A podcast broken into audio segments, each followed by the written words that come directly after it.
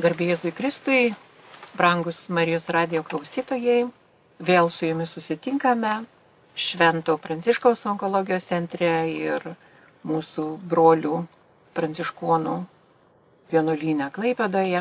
Kalbėtis tema Dievas gydo. Laida skirta onkologiniams ligonėms ir jų artimiesiems. Šiandien šitoje studijoje esame keturiese ir dabar norėčiau visus pristatyti yra brolis Juozapas Marija Žukauskas. Garbėzui Kristui. Juratė Jekelienė. Garbėzui Kristui. Ir Vytautas Jekelis. Labas rytas. Vytautas ir Juratė yra vyras ir žmona, šeima, kurie prieš penkerius metus kartu, būdami gyvendami, sužinojo tokią nelinksmą žinę, kad Juratė susirgo onkologinė lyga Ir mes tada darėme radio laidos įrašą, kaip viskas buvo pačiai pradžioje, kai žmogus išgirsta e, vėžio diagnozę ir Juratė dalinosi savo patirtimis, jausmais, savo pirmaisiais potyriais santykyje su Dievu, kaip tas galėjo atsitikti, kodėl tikinčiam žmogui ateina lygos. Ir štai praėjo penkerių metų laikotarpis, aišku, Juratė reikėjo dažnai tikrintis penkerių metų laikotarpis yra toks laikomas, kad jau žmogus pasveiksta ir jau lyg ir išsivaduoja nuo lygos. Mes patys onkologiniai ligoniai sakom, kad e, esame remisijoje ir, ir, vat, ir norisi paklausti, kaip jūs e, išgyvenote tam penkerių metų laiką, kuo skiriasi ta pirmoji patirtis ir dabartinė patirtis ir kas jums e, šitame laikotarpiu padėjo ir kaip jums sekėsi galbūt tiesiog auginti savo dvasinį gyvenimą, ieškoti Dievo ir kaip Dievas jums padėjo ir padeda. O iš tikrųjų mes kalbėjomės tikrai prieš penkerius metus, bet susirgau aš prieš šešerius. Ir aš niekada nebuvau remisijoje. Aš tuos visus šešerius metus esu tikrinama kas tris mėnesiai. Ir nors diagnozė nėra pasikartojus, nėra atrastas man niekur kitur joks vėžio žydinys, bet mano kraujo žymuo yra toks, kuris, kuris reiškia, kad aš nesu remisijoje. Ir kad kažkas nėra visai gerai su mano sveikata ir per tuos šešerius metus du kartus man buvo paskelbta vėžio diagnozė, man du kartus buvo pasakyta, kad metastazė.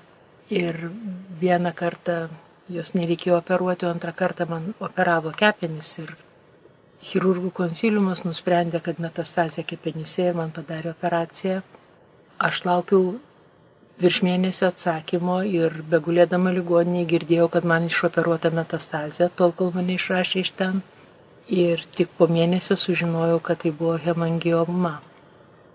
Tikrai aš buvau visiškai tikra, kad, kad vis tik jie išoperavo metastaziją ir kad man reiks kažkaip toliau gyventi ir, ir gydytis ir, ir, ir gyventi su ta lyga, bet kai, kai perskaitėm atsakymą atėjus iš laboratorijos, nu tai aš nežinau, mane tai tikrai ištiko šokas, nes aš niekaip negalėjau suprasti, kaip vienu iš didžiausių e, Lietuvos ligoninių gydytojai gali padaryti tokią klaidą. Ir kaip galėjo atsitikti, kad vis tik ten nebuvo metastazės. Niekas tą klausimą man iki šiol neatsakė. Na, aš poros daktarų paklausiau, tai jie guščioja pečiais ir jie tiesiog sako, aš nežinau, aš nesuprantu. Bet mano tikintis broliai ir mano vyras ir, ir daugybė žmonių, jie ploja rankom ir džiaugiasi ir, ir sako, kad stebuklas, kad Dievas padarė stebuklą, nors iš tikrųjų aš neprašiau Dievo, kad jis mane pagydytų. Mhm. Ir Juratė tikrai šios laidos nėra skirtos aptarinėti pačiam gydimui, bet aptarti tą žmogaus kelionę, vidinę kelionę iš tiesų nuo tos, sakykime, šoko, išgirdus tą žinę ir vis tik prieimimo to savo mirtingumo, kur realiai mes visi tą tas ir žinom, kad kas gimė turės mirti, bet kada tau realiai sako, žinai, tavo dienos yra skaičiuojamos ir gana greitai, koks tas jausmas? Nu, tas jausmas yra toks, jis, jis kintantis yra. Nes kai pirmą kartą išgirsti, kad tu susirgai vėžių yra vienas dalykas, kai tu pirmą kartą išgirsti, kad tau metastazija yra kitas dalykas, kai trečią kartą išgirsti, kad tau metastazija yra vėl kitaip jautiesi ir paskui, kai tavo tas kraujo žymo visą laiką būna vienodas ir tave tikrina dėl to ir paskui tas kraujo žymo pradeda blogėti, tai vėl kitokia patirtis. Ir kiekvieną kartą ta patirtis yra tokia, kad tai yra žinia, kad aš arčiau dangaus karalystės, ta prasme, nu, kaip pasakyti, kad, kad arčiau aš dangaus. Aš arčiau dangaus, bet tai nereiškia, kad aš labai, aš tikrai labai noriu į dangų. Aš svajoju apie dangaus karalystę. Aš noriu viešpatės kiemuose vaikščioti, tikrai. Bet tai nėra džiugi žinia, kai tau pasako, kad girdi va taip su tavo markeriu yra. -huh. ir, ir kai išgirsti žinę apie tai, kad taip, tai jo, iš tikrųjų, tada pajunti, kad esi ne vienas, kad esi vedamas ir mokomas, kad esi globoj begaliniai ir kad tavimi rūpinasi ir kad tikrai tas, kuris davė man pažadą, jis yra ištikimas ir, ir teisingas ir jis tikrai ištiesės visus pažadus. Ir tikrai vat, visa bendruomenė tikrai galėtų paliudyti, kad kiekvieną kartą pamačius tiek tave, tiek nu, kartu su vyru, mūsų bažnyčiai jūs tikrai spinduliuojate viltį ir džiaugsmą. Ir vat, norisi paklausti, kur, kaip jūs atradote tą džiaugsmą, tą tikėjimą kur atrado tą vidinį džiaugsmo šaltinį, kad nežiūrint iš išorės tikrai ir nekokių diagnozių ir to nuolatinio vaikščiojimo poligoninės, kad neprarasti tą džiaugsmą, bet nu, juo gyventi ir tą, tą viltim gyventi. Nu, Jėzus yra mūsų viltis ir kai sutinki Jėzų, aš nežinau, aš neįsivaizduoju, aš galvoju, kad visi žmonės, kurie ateina į bažnyčią, jie turi būti sutikę Jėzų, nes negali būti jokios kitokios priežasties eiti į bažnyčią. O kodėl ne visi spinti džiaugsmų, tai aš nežinau. Aš manau, kad kiekvienas, kas sutiko Jėzų. Taip, aš manau, kad ta, tie visi išgyvenimai išmokė gyventi šiandien. Aš suprantu, kad tas žmogaus gyvenimas yra kaip žiežirba, akimirksniu jisai praeina ir nesigrauž dėl praeities. Aš išpažinę savo nuodėmės, ateities aš negaliu kontroliuoti, tą teoriškai visada žinojau bet kai atsiduri tokiuose sunkiuose aplinkybėse, nu, aš turbūt toks užsispyręs, kaip aš priverstas tiesiog gyventi šiandien, šauktis Dievo žiūrėti, ką aš turiu.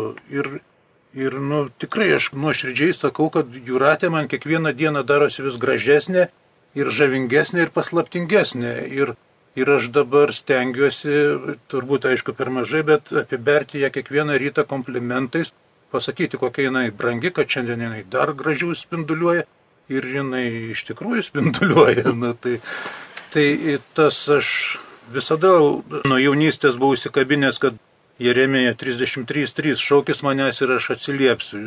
Viešpats sako ir, ir kad Dievas tikrai neduoda išbandymų daugiau negu mes galim pakelto, mes norim būti šventi, bent jau protus, sutinkam su to labai pradžiugino per Antano atlaidus Antanas Blužas, kuris pareiškė, kad e, Antanas Paduvėtis yra pasakęs, kad tas žmogus, kuris tikrai nori būti šventas, jau yra šventas. Tai tikrai gražus pasakymas, bet vis tik aš vėl dar noriu grįžti. Tikrai labai gera sutikti tikinti žmogų, kuris na, neduoda nevilčiai, liūdnumui užgulti jo širdies, bet vis tik na, noriu dar grįžti prie to susitikimo su ta žinia Kaip tai pakeitė jūsų tikėjimą, kaip jūs pakeitė bendrystę, kaip pakeitė jūsų gyvenimą, nes na, tokie potyriai negali praeiti be pėdsakų. Ir aš dar noriu priminti Juratę, jeigu galima tavo tą pirmąjį įspūdį, kai tu sužinojai tą lygą, sėdai į mašiną oh. ir važiavai ir griežtai kalbėjai su Dievu ir ką tu jam sakėjai. Nu tai aš sakiau, kad e, jeigu čia tu taip mane labai myli, kad aš išgirdau tokią žinią, tai tada prašau mane toliau mylėti ir atsiūs dabar man kokį savivartį, kad aš su juo susidurčiau ir man tikrai nereiktų gydytis, aš noriu pas tave. Mhm. Aš tikrai tikiu, kad tu myli mane ir tada prašau pratesti savo meilės įrodymus tokiu tai būdu. Va, va čia tas labai svarbus momentas, nes iš ties susitinkant, na, žmonės netenka noro gyventi. Na, aš nesakau, kad net netenka vilties, bet gerai jūsų atveju vis tiek yra ta vilties dangus viešpats, bet ką daryti žmogui, kurio tikėjimas nėra toks stiprus ir kuriam dabar prieš akis nusimato ilgi metai gydimo, galbūt skausmo, kančios ir vienatvės, kaip pasitikti tą diagnozę, neprarandant vilties, o gal netgi augant ir stiprėjant joje. Gal, gal, gal, iš vyra, vyras, gal jūs, kaip jūs palaikėt žmoną ir, ir kaip jums pačiam teko irgi priimti tą žinę, nes, na, vis tiek šeimoje gyveni ir galvoji, kad visą laiką būsi kartu ir dabar tau sako, žinai, gana greit gali netekti savo. Tai ne, nebuvo lengva. Aš iš karto, tai iš karto kėliau Dievui ultimatumą, kad ar, arba pagydyk, arba pasimk abu. Nes kažkaip tai tą sunku įsivaizduoti. Paskui po truputį stengiamės susitaikyti, vis tik, vis tik tai suprasti, kad Dievas nėra kalėdų senis ar mūsų kažkokių įgydžių tenkintojas, o juk mūsų troškimas pažinti Dievo valią ir ir ją įvykdyti. Ir mums labai padėjo, mes pradėjome kiekvieną rytą brevijorių melstis e, iš, iš tos liturginės valandas ir kažkaip mes suvokiam, kad kadangi katalikų bažnyčia tokia didelė ir kad daugybė šimtai tūkstančių ar net milijonai žmonių tuo pat meldžiasi, tos psalmės Dievo žodžiais, e, kažkaip tai mums tas labai pastiprino, tas kiekvienas tas ritmetinis brevijorius kažkaip įkvėpė labai vilties. Aišku, ne, ne magiškas tas žodžiai ar kas, bet, bet per jį, per tą suvokimą, kad e, mes garbinam Dievą, kaip jam patinka, kaip moko katalikų bažnyčia, tas kažkaip tą vienišumo jausmą labai sumažina, kad mes nesam čia tokie du palikti. Taip, prašau, prašau ir atėjti. Fiori man tikrai labai patinka melstis, bet mane stiprina konkrečios švento rašto vietos ir konkretus žodžiai. Ir man atsitinka tokie stebuklai, kad kokia nors frazė apsigyvena mano širdį ir jinai tampa tikrovė. Kaip pavyzdžiui, ten iš apaštalų darbų yra pasakyta, tikėk viešpati Jėzų ir bus išgelbėtas tu ir tavo namai. Ir mhm. kai mirė mūsų sūnus, kuris nebuvo jokios bažnyčios narys, jis buvo tik pakrikštytas. Ir jis ginčydavosi su mumis apie tikėjimą, ir... bet jis buvo geras vaikas. Ir tą pačią sekundę, kai aš išgirdau tokią žinią, tai tą žinią išgirsti yra baisu, motinai, patikėkit. Ir kai aš išgirstu apie savo blogą kraują, aš tada nesakau, Jėzau, tu myli mane. Tada, bet kai aš išgirdau, kad mirė Simonas, aš iškart sakiau, Jėzau, tu myli mane, aš pasitikiu tavim, nes daugiau neturiu kuo pasitikėti. Ir akimirksniu aš prisiminiau tą pažadą. Ir tai buvo man didžiulė paguoda, kad jeigu aš tikiu Kristų, tai bus išgelbėti mano namai. Ir jis žino, kaip tos namus išgelbėti. Tai taip yra ir su lygom. Taip yra ir, ir su ta viltim, nes mes žinom ir kad Dievas neduoda daugiau išbandymų, negu mes galim pakelti, kad jo žaizdomis mes esame išgydyti, kad jis teikia mums viltį, malonį ir meilę. Nu, pilnas šventas raštas yra vien tik daugybė pažadų apie tai, kad jis gydo sužeistas širdis ir, ir aptvarsto jas. Ir kad tai nereiškia, kad tai organą jisai gydo ar, ar mano kepenis, bet jis gydo gydo ir mano kepenis, bet jis gydo ir mano širdį, jis gydo mano nuodėmingumą, mano sužeistumus visus jis gydo.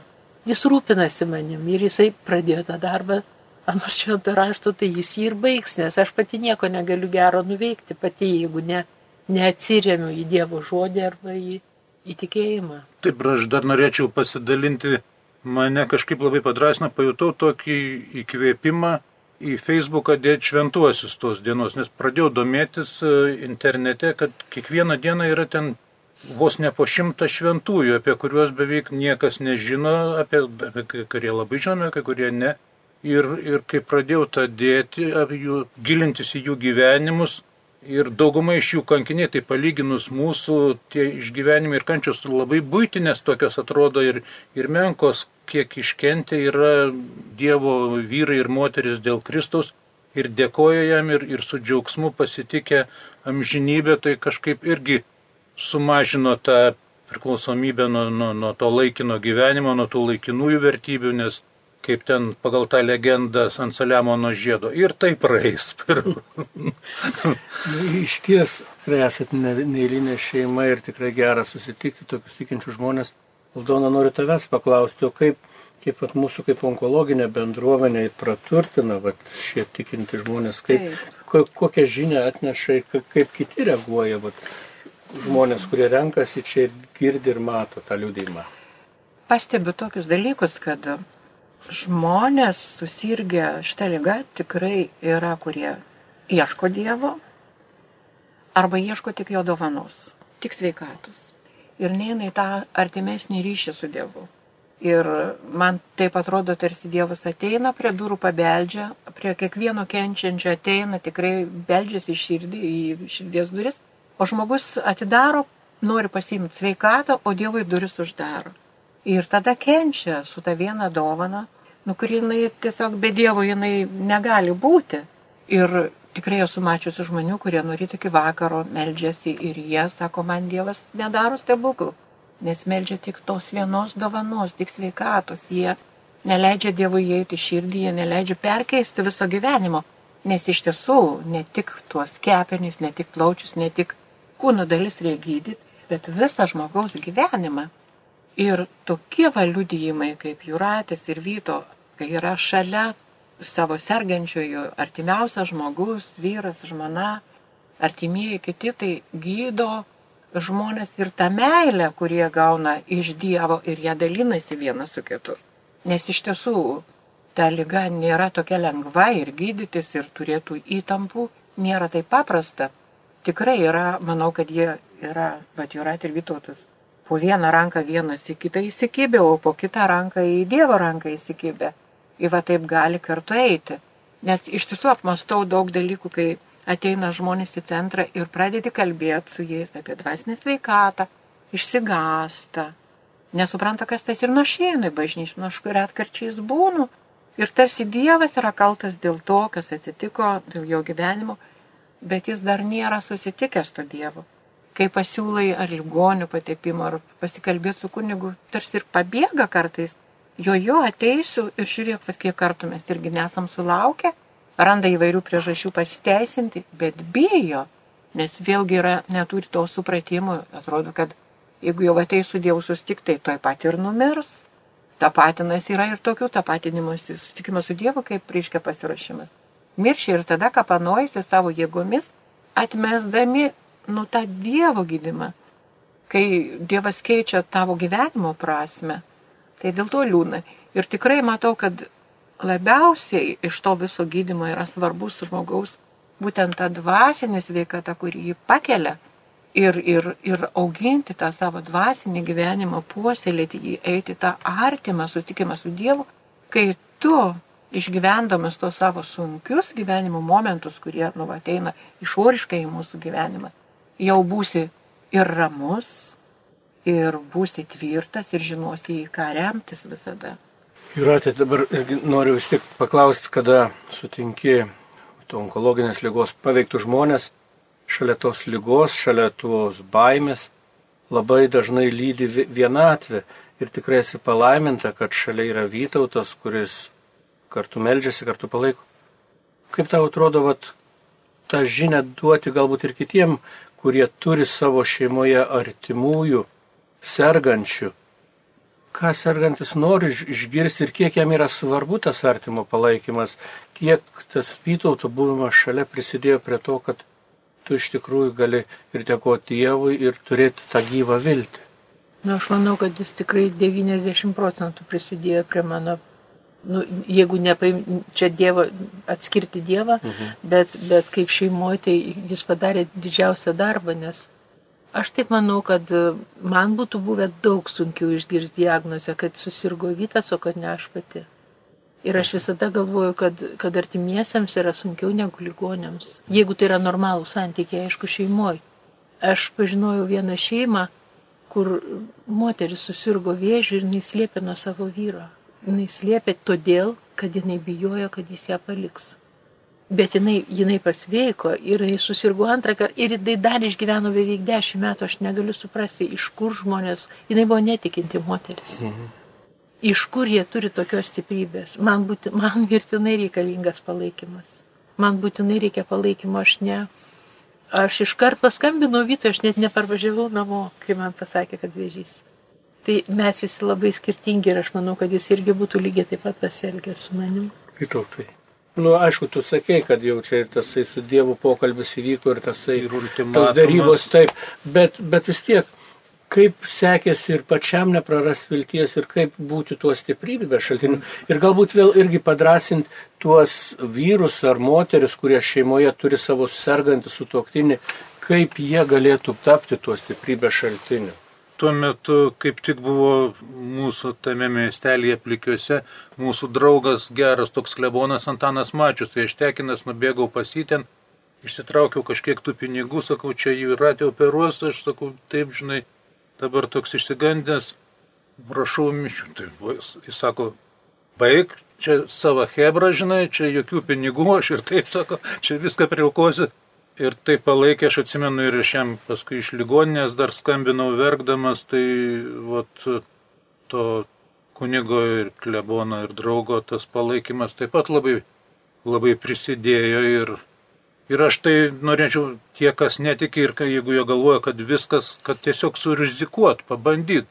Nes kai aš susitaikiau su Dievu, aš irgi buvau auklėjimas ateistiškai, nors ir pakrikštytas, tiesiog žmonės man liūdė, kad jeigu prašai, Dievas atsako. Ir, ir krizės momentų jaunystėje aš visiškai neturėjau jokio tikėjimo, nieko, bet buvau padėti be šities. Nu, galvoju, pabandysiu, žinai. Tai ir pasakiau, Dieve, jeigu tu esi, tai atsiliepk. Ir kažkas tai įvyko mano gyvenime. Tai, tai tie, kas e, netikė ar abejoja, tai aš tiesiog nuoširdžiai raginu pabandyti tiesiog, pabandyti. Dieve, jeigu tu esi, žinai, padėk man ar, ar gelbėk. Ar...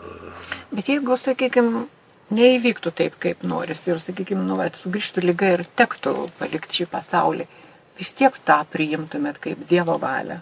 Nes jau... Aš girdėjau vieną kartą per Marijos radiją, per mišes kunigas meldėsi, ten buvo tik akimirka. Jis pasakė, Dieve, dėkojam tau už malonės, kur nesupratom, kad tai yra malonė. Tai jau čia keli metai atgal. Tai aš dabar tikrai suprantu, kad bet kas, viskas, nu, aišku, tikrai netikinčiam onkologiniam ligoniui, sakyti, kad lyga yra malonė, labai sudėtinga. Bet aš sakau, kad ne lyga, bet aš sakau, kad kiekvienas žmogus, visas gyvenimas, jūra, miškas, rožynas čia ir, ir betvarkė mano kieme pačios, viskas yra Dievo malonė mano gyvenime, viskas absoliučiai. Nepriklausomai nuo to, ar aš suvokiu tai ar nesuvokiu, kadangi Dievas yra meilė, tai jis tiesiog paprasčiausiai negali nieko blogo padaryti ir, ir iš bet kokio blogio jis padaro daug daugiau gėrio. Tai aš tikrai priimčiau kaip malonę ir tik kaip malonę, bet, bet kokią situaciją, nes nieks negali kitai būti. Taip, mes irgi, mes kaip ir pasiryžę susitaikyti kuriam pirmam, bet mes paprašėm Dievo, kad Jeigu taip galima, jeigu tai labai stipriai nesikerta su jo valia, kad pasišauktų mus maždaug tuo, tuo pačiu laiku, žinai. Ja, iš ties tikrai gera bendrauti kiekvieną kartą su jumis ir, ir girdėti tą liūdimą ir tikrai tegul viešpats jūs toliau stiprina, tegul duoda ramybės. Ir Aldona, gal dar kokią mintį. Tik tai noriu priminti, klausytojams. kaip tik Vytauto tą pasakytą mintį iš Remijo knygos kad šaukis manęs tau atsiliepsiu, pasakysiu tau nuostabių dalykų, paslapčių, kurių nežinojai. Ir eiti tą sustikimą visiems linkiu su Dievu, neieškoti tik vienos veikatos ir klausti Dievo galbūt, kaip aš kažkada klausiau Dievę, jeigu tu mane laikytum, paliktum gyvą, laikytum gyvą, o kam aš tau čia esu reikalinga? Ieškoto naujo pašaukimo gyventi su Dievu, mylėti, mokytis mylėti ir ieškoti tos naujos prasmės gyvenime, ne vien tik sveikatos, nes juk Dievo meilė atrasta, sutiktas Dievas yra daugiau už tą visą mūsų e, sveikatą ar nesveikatą, o kiek turim tos sveikatos, kad Dievas panaudotų jam tiesiog gerosius naujienų skleidimui, dalinimus vieniems su kitais. Tikrai noriu pakviesti ir čia vat, jūs ir klausytojus viską patikėti viešpaties rankas, nes Dievas mus iš tiesų myli ir kas be nutiktų visą į gerą, tad pagarbinkim kartu Dievą. Garbė Dievui, Tėvui ir Sūnui ir Šventai Dvasiai, kaip buvo pradžioje, dabar ir visada ir per amžius. Amen. Taigi gerbimi Marijos radio klausytojai, su jumis buvo laida, kurioje kalbėjo Aldona Kerpytė Juratė Jekelienė, Vytautas Jekelis ir brolis Juozapas Marija. Ačiū, kad klausote, likite su viltimi. Sudėjau. Sudėjau. Sudėjau.